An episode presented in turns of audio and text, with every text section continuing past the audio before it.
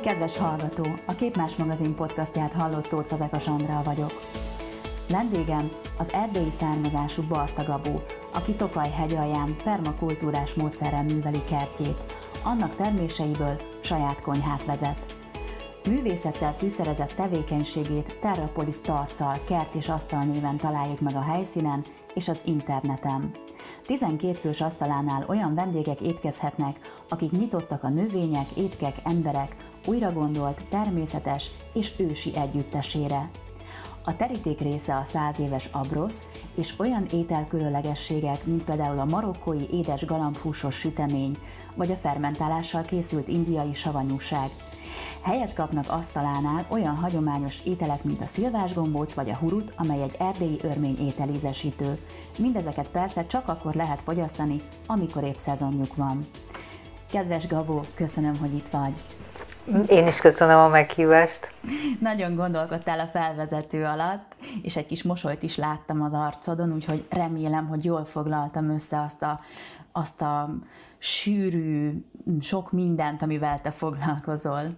Teljesen jól foglaltad össze, persze, és, és nem könnyű összefoglalni, mert nagyon szertágazó, amit csinálok tényleg. Igen, én úgy gondolom, hogy konkrétan arról, hogy mi is ez a Terrapolis, és hogy mondjuk miért ez a neve, arról majd beszélj te bővebben, de mindjárt itt két szó lenne olyan, ami, amit szerintem tegyünk rendbe, mert engem nagyon foglalkoztat. Az egyik az, uh-huh. hogy gabó, a másik az, hogy permakultúra. Kezdjük a gabóval. Én folyamatosan azon gondolkodom, mióta olvastam a nevedet, hogy ez egy becenév, vagy, vagy milyen név ez, honnan jön, és miért vagy te Gabó? Hát a Gabriellának az egyik becézése a Gabó, ennyire egyszerű. Ennyire egyszerű, jó. Inkább az szokott bosszantó lenni, amikor automatikusan e-mailben leuraznak kedves uram, vagy tisztelt uram, mert automatikusan férfinek gondolják a Gabót. Uh-huh. És ez nagyon jellemző. Akkor most már mindenki megtudta, hogy a Gabriella az eredeti mögöttes jelentés. No, a permakultúra, mint fogalom, én igazából megpróbálom ezt gyorsan elmondani röviden, aztán majd kiegészíted, jó? Jó. A 70-es évekből eredő tudományos művelősi mód igazából megfigyelték azt, hogy a Földnek egyébként is van egy olyan rendszere, ami ö, fenntartja magát, és gyakorlatilag ö, itt arról van szó, hogy meghagytok gyógynövényeket és gyomnövényeket a földben, és megfigyelitek, hogy mik, a, mik azok a növények, amik együtt tudnak élni, és, és igazából az ember csak annyira avatkozik be, amennyire feltétlenül szükséges. Mondjuk a gyomnövényeket például úgy használja fel, hogy letakarja vele a, a talajt. Nyilván vegyszermentes, és nyilván mindig azt is fogyasztjuk, amit mondjuk a, az adott időszakban megtermel a, a föld. Körülbelül ez a permakultúrás művelési mód? Hát ezek, amiket mondtál, ezek mind benne vannak valóban. Egy nagyon fontos, nem tudom, most akkor menjek bele? Persze. Már Egy nagyon fontos, beszéltem. Része a permakultúrának, vagy az egyik alapvetés az az, hogy ugyanúgy, ahogy a természetben nincsen csupasz talaj magától, mert, uh, mert nincsen, ugye, ha körülnézel, akkor így, ha kint jössz mész, akkor nem találsz csupasz talajt. Mi is próbálunk úgy kertet művelni, hogy elkerüljük ezt a természetellenes állapotot. Nem azért, mert természetellenes, hanem azért, mert ennek mindenféle előnye van, tehát nem véletlenül nem csupasz a talaj. Az ipari mezőgazdaság, meg a, akár a hagyományos kiskertekben is nagy erőfeszítéssel próbálnak meg az emberek előállítani egy mesztelen talajt, uh-huh. ami abszurdum. Tehát nincsen ásás a permakultúrában, helyette van mulcsozás. Az egyik, a másik fontos technikája a permakultúrának az, hogy a talaj legyen letakarva valamivel, akár kihúzgált gyomokkal, akár máshonnan származó, vagy a szomszédos területekről származó növényi anyaggal, és ennek hármas haszna van. Egyrészt visszafolytja valamennyire a gyomokat is, a nedvességet bent tartja a talajban, és amikor elbomlik, akkor gazdagítja az, azzal a talajt. A permakultúrának van aztán egy ilyen szociális oldala is, hogy tulajdonképpen közösségben, tehát közösségben ágyazottan gondolkodik erről a, a művelésről. Ugye te az egész kertedet is egy élőlénynek tartod? Hát igen, így is lehet gondolkodni róla. És minek van most szezonja így októberben, novemberben? Például ma mi volt az ebéded? Pizza maradék tegnapról, amiben a mm, sűrített paradicsom, amit a kertből betakarítottam, az játszott nagy szerepet, meg cukini szeletek. Aztán barna is tettem blansírozott kellevelekkel, rengeteg kellevél van a kertben most, különféle kellevelek, már el is veszítettem a fonalat, hogy melyik milyen fajta. Tegnap előtt oda tettem fermentálni uh, cukini szeleteket, vagy csíkokat, és annak a cukininek a beléből, meg a héjából, a héjának a keményebb részéből főztem egy alaplevet, és a mai risotto az a az előző cukininak a héjából és beléből készült alaplével főtt meg, sárgarépával, spenót levelekkel, édesköménnyel, tárkonnyal, bazsalikommal. Azt mondd el nekem, hogy hogy lesz egy eredetileg bölcsésznek, művészettörténésznek készülő és annak tanult hölgy, aki Balánbányán születik Erdélyben, majd eljön Budapestre, utána visszakerül Tokaj környékére, hogy lesz egy kertet művelő és falusi vendégasztalt vezető nő? Hát apránként. Azt jól tudom, hogy édesapáddal ti jártátok a természetet, és vizsgáltátok a növényeket gyerekkorodban? Igen, apám a bányamérnök volt, és uh, még Balánbányán, uh, hát mi bányáról bányára költöztünk, mert Balánbánya után Nagybányán laktunk és már Balánbányán is sokat kirándultunk, gombáztunk, epret szedtünk, málnát szedtünk, gyógynövényeket, virágokat, tehát teljesen normális volt, hogy hétvégenként kimegyünk és járjuk a, az erdőt és a tájat. Egyébként fantasztikus a, környéke Balánbányának, csodálatos sziklavonulatok vannak, nagyon jó kiránduló hely is. Igen, tehát onnan ö, aztán tényleg teljesen más irányba, mm, vagy nem teljesen más, hát a bölcsész karon végeztem, magyar-angol szakon, utána művészettörténetet tanultam, kortárs művészet érdekelt, Hát azt hiszem, hogy ezekben az közös, hogy mindig valami nem konvencionális dolog iránt vonzódtam, és Budapesten úgy az étel kapcsán piacra jártam vásárolni, akkor ott belefolytam a Hunyadi téri piacnak a megmentésébe, vagy pontosabban kezdeményeztem, az egy sikeres civil mozgalom volt, Innen jött aztán az, hogy ez ugyan képzőművészeti projekt is volt számomra, de itt aztán folyton ö, átfedések vannak különböző területek között, ö,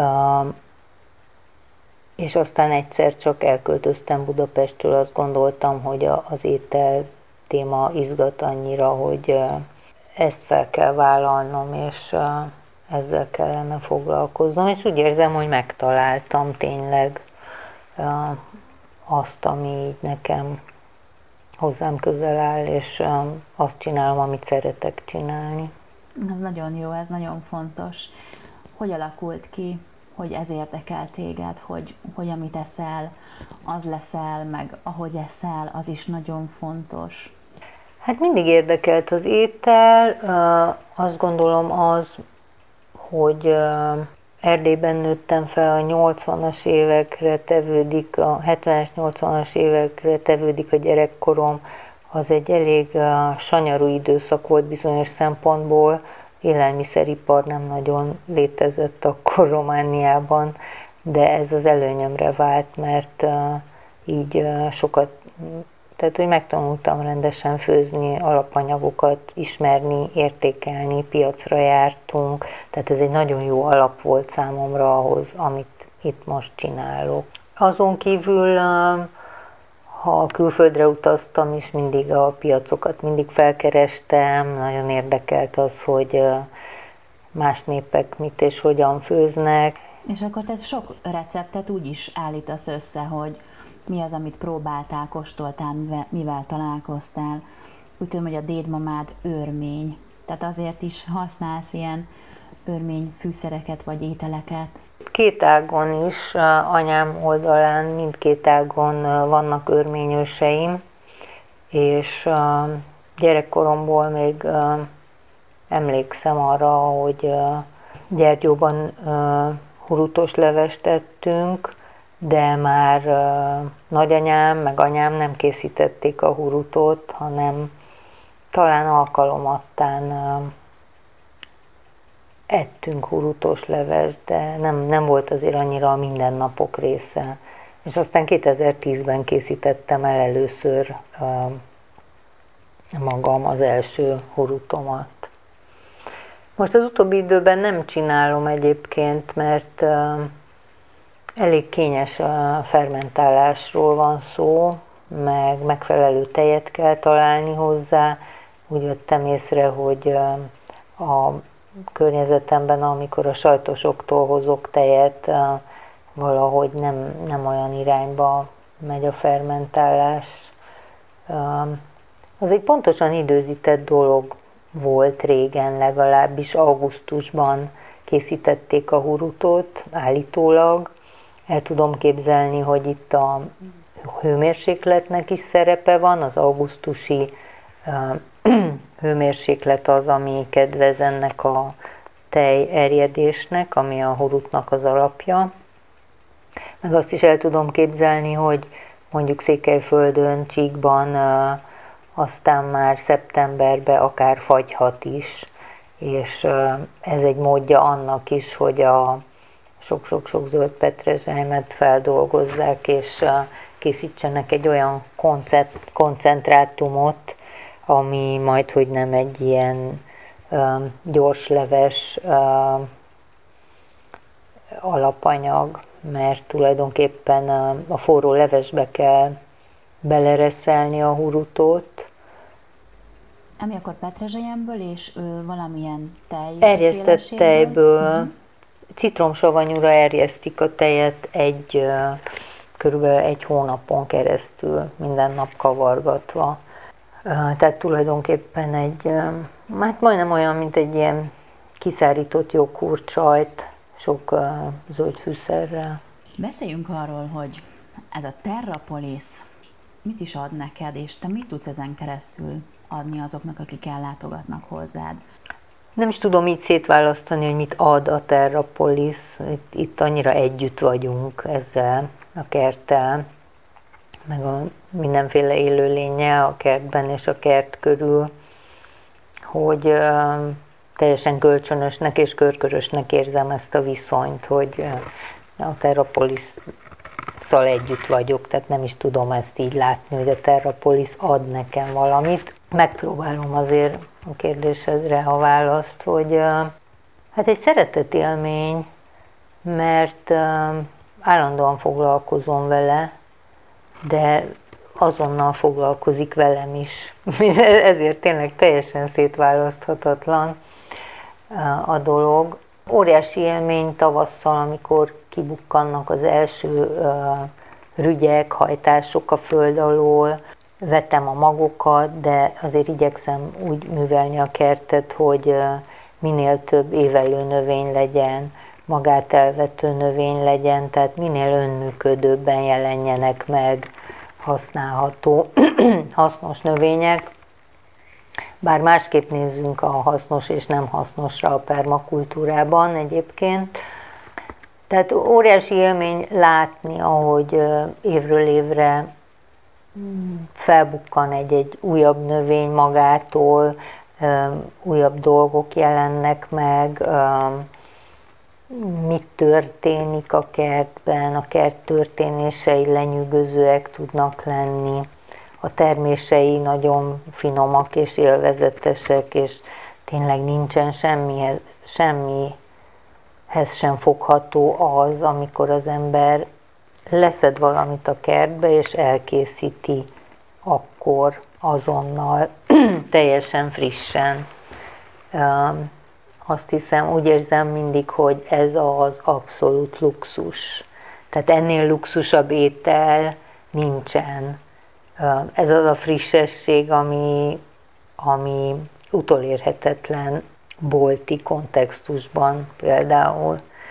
A piacon már egy kicsit jobb a piaci helyzetben termelőktől, ha, ha tőlük vásárolunk, vagy mondjuk közösség által támogatott mezőgazdasági jó bonyolultan hangzik, tulajdonképpen dobozrendszerekre gondolok, ugyanaz, hogy tulajdonképpen egy termelő igyekszik a lehető legfrissebben azt hozni, ami éppen van a kertjében, és ez egy kölcsönös viszony termelő és vásárló között.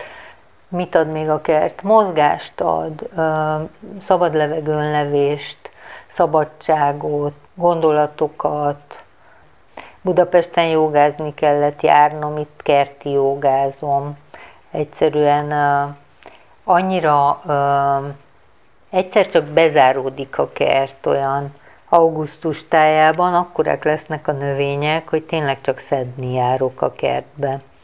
És ez a szed, szedni, bemenni a dzsungelbe, az is olyan, hogy tulajdonképpen így bujkálni kell,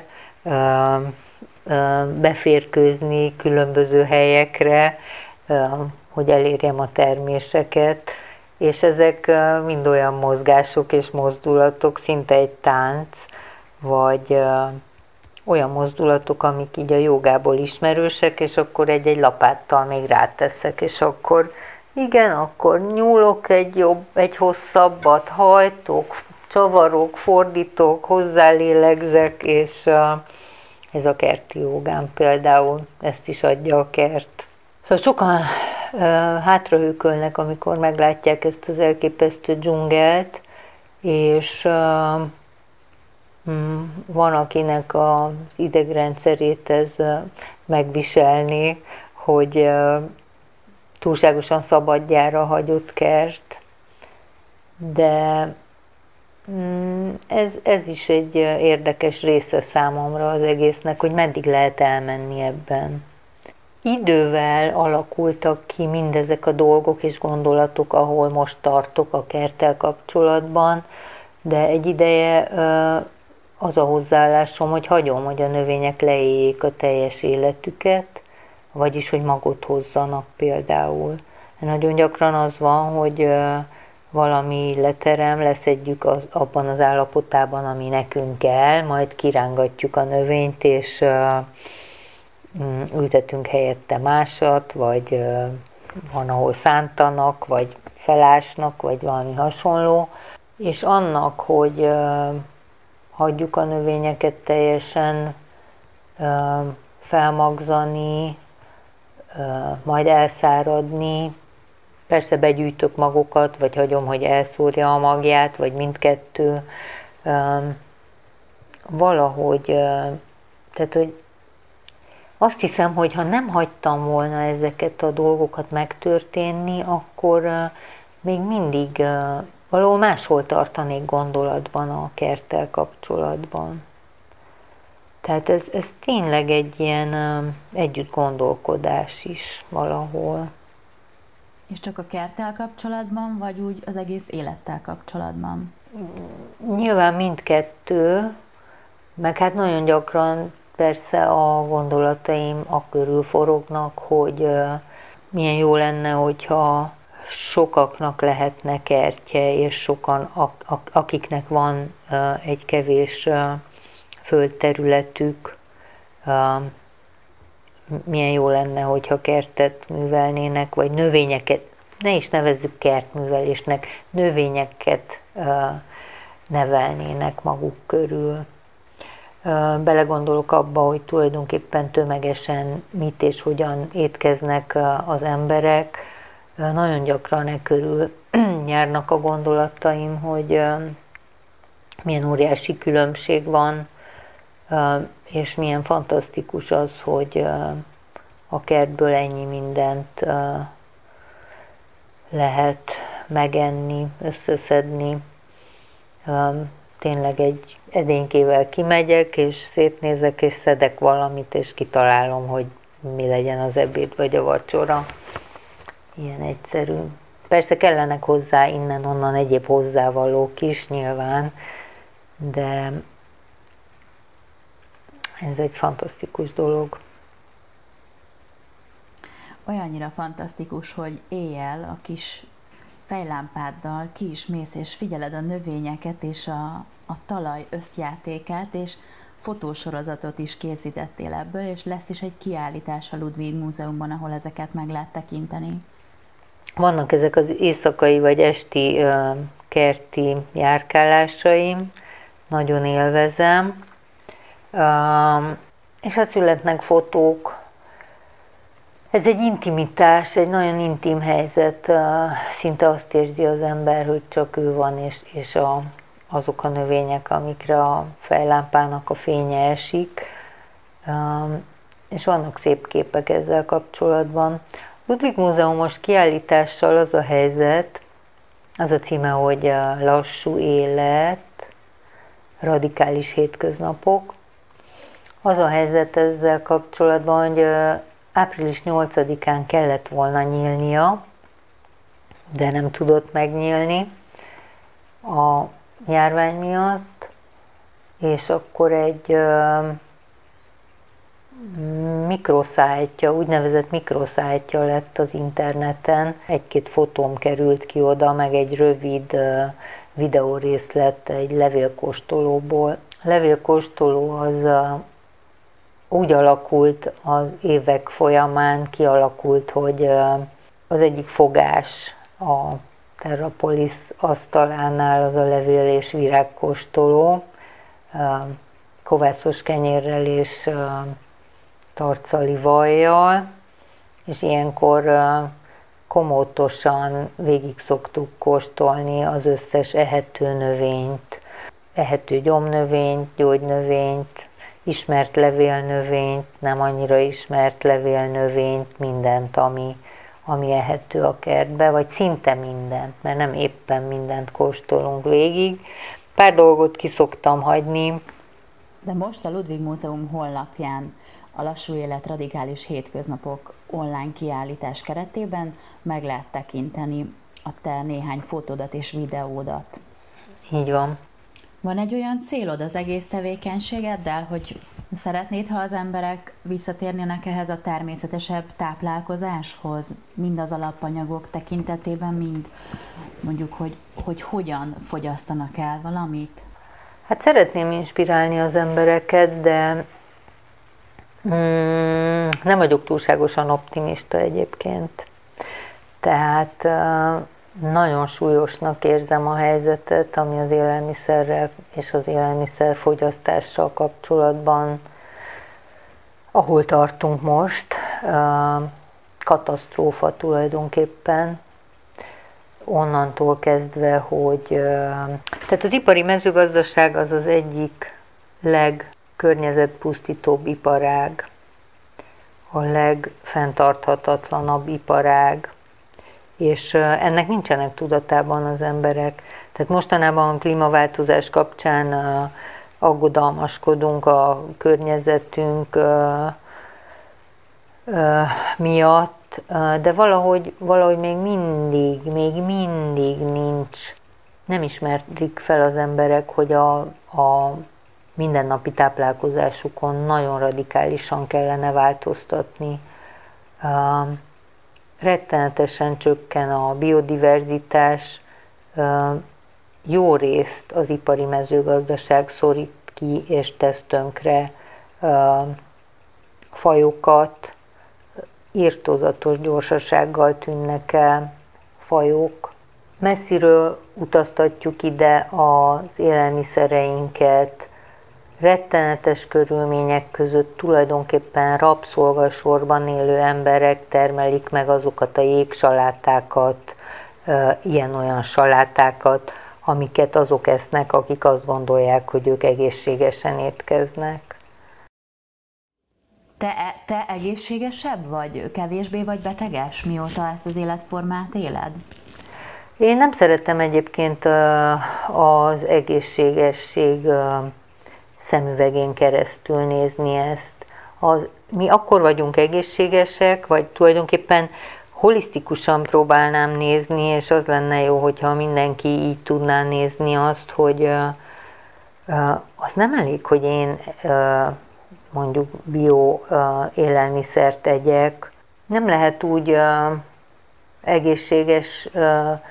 egészségesen táplálkozni, akarni, hogy közben nem gondolunk bele abba, hogy amit teszünk, annak a megtermelése, ideutaztatása, és az a gazdasági rendszer, amiben és ahogyan ezt megtermelik, az hogyan hat a, az egész rendszerre és a környezetünkre. Ezek elválaszthatatlan dolgok. Hogy én egészségesebb vagyok-e vagy sem, hát nem tudom ezt megmondani. Nem tudom, nem az én egészségességem a legfontosabb ebben az egészben.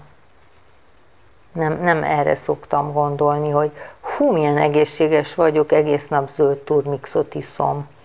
Nem is azt iszom egyébként, még a zöld turmixot is egy kicsit nevetséges dolognak tartom.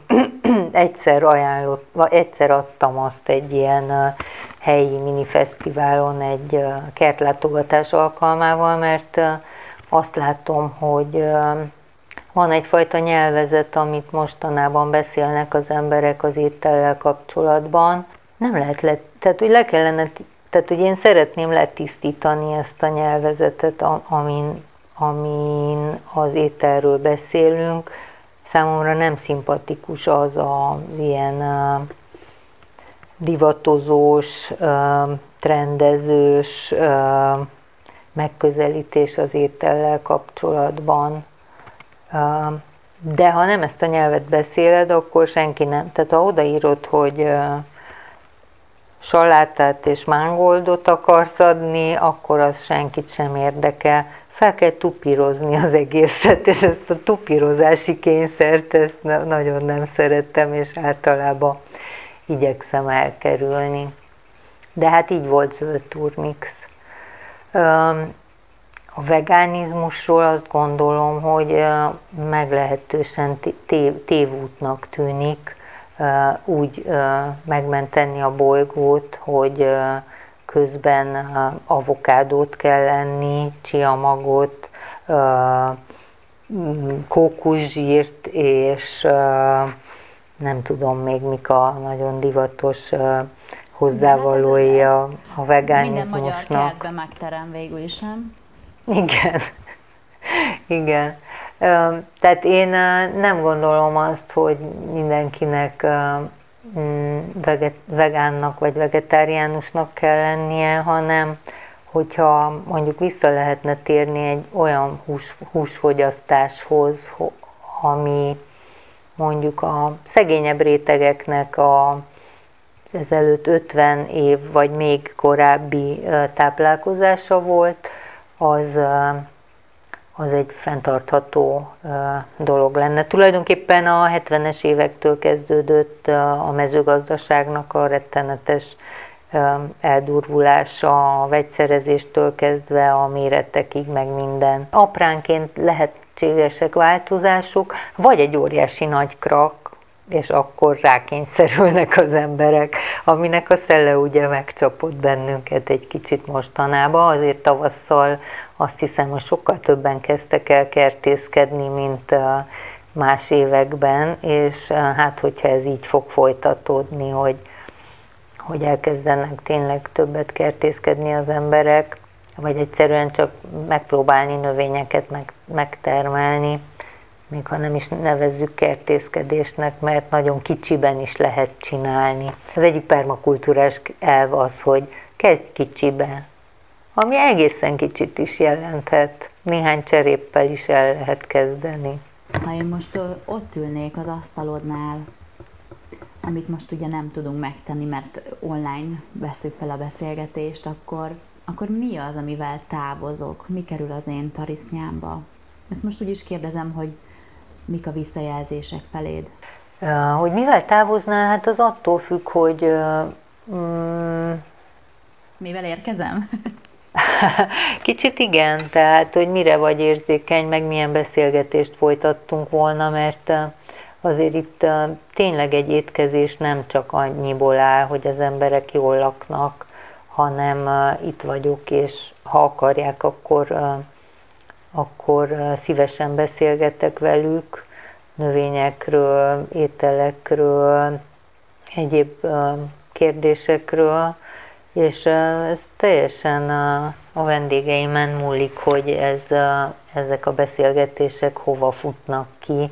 De hallottam már olyat, hogy valaki azt mondta, hogy ő most szőlőt vett, és boros gazdaként képzeli el magát nem sokára, és hogy ebben egy kis szerepe volt a nálunk tett látogatásnak is. Biztosan hallanak tőlem a Terrapolis két névadójáról, Balla Enikőről, aki nem messze Kácsárdon tart kecskéket, és készít csodálatos sajtokat, és szervezi a beszélgetős találkozásokat folyamatos konferencia néven, József Bajsz nyomán, és hallanak Donna Haraway-ről, aki a Terrapolis kitalálta és megírta, az SF spekulatív fabuláció és zsinórformák című szövegében. Röviden, tömören egy pár gondolat ebből az írásból, ami folyamatosan inspirál, hogy a Terrapolis sok fajjal való azonosulás helye, sokfajú történetmesélés, mely tele van összekapcsolódásokkal, világokban gazdag, humuszból és a humuszért van. Most, hogyha szeretnének ö, étkezni nálad, akkor be kell jelentkezni, ugye? Ez most is adott?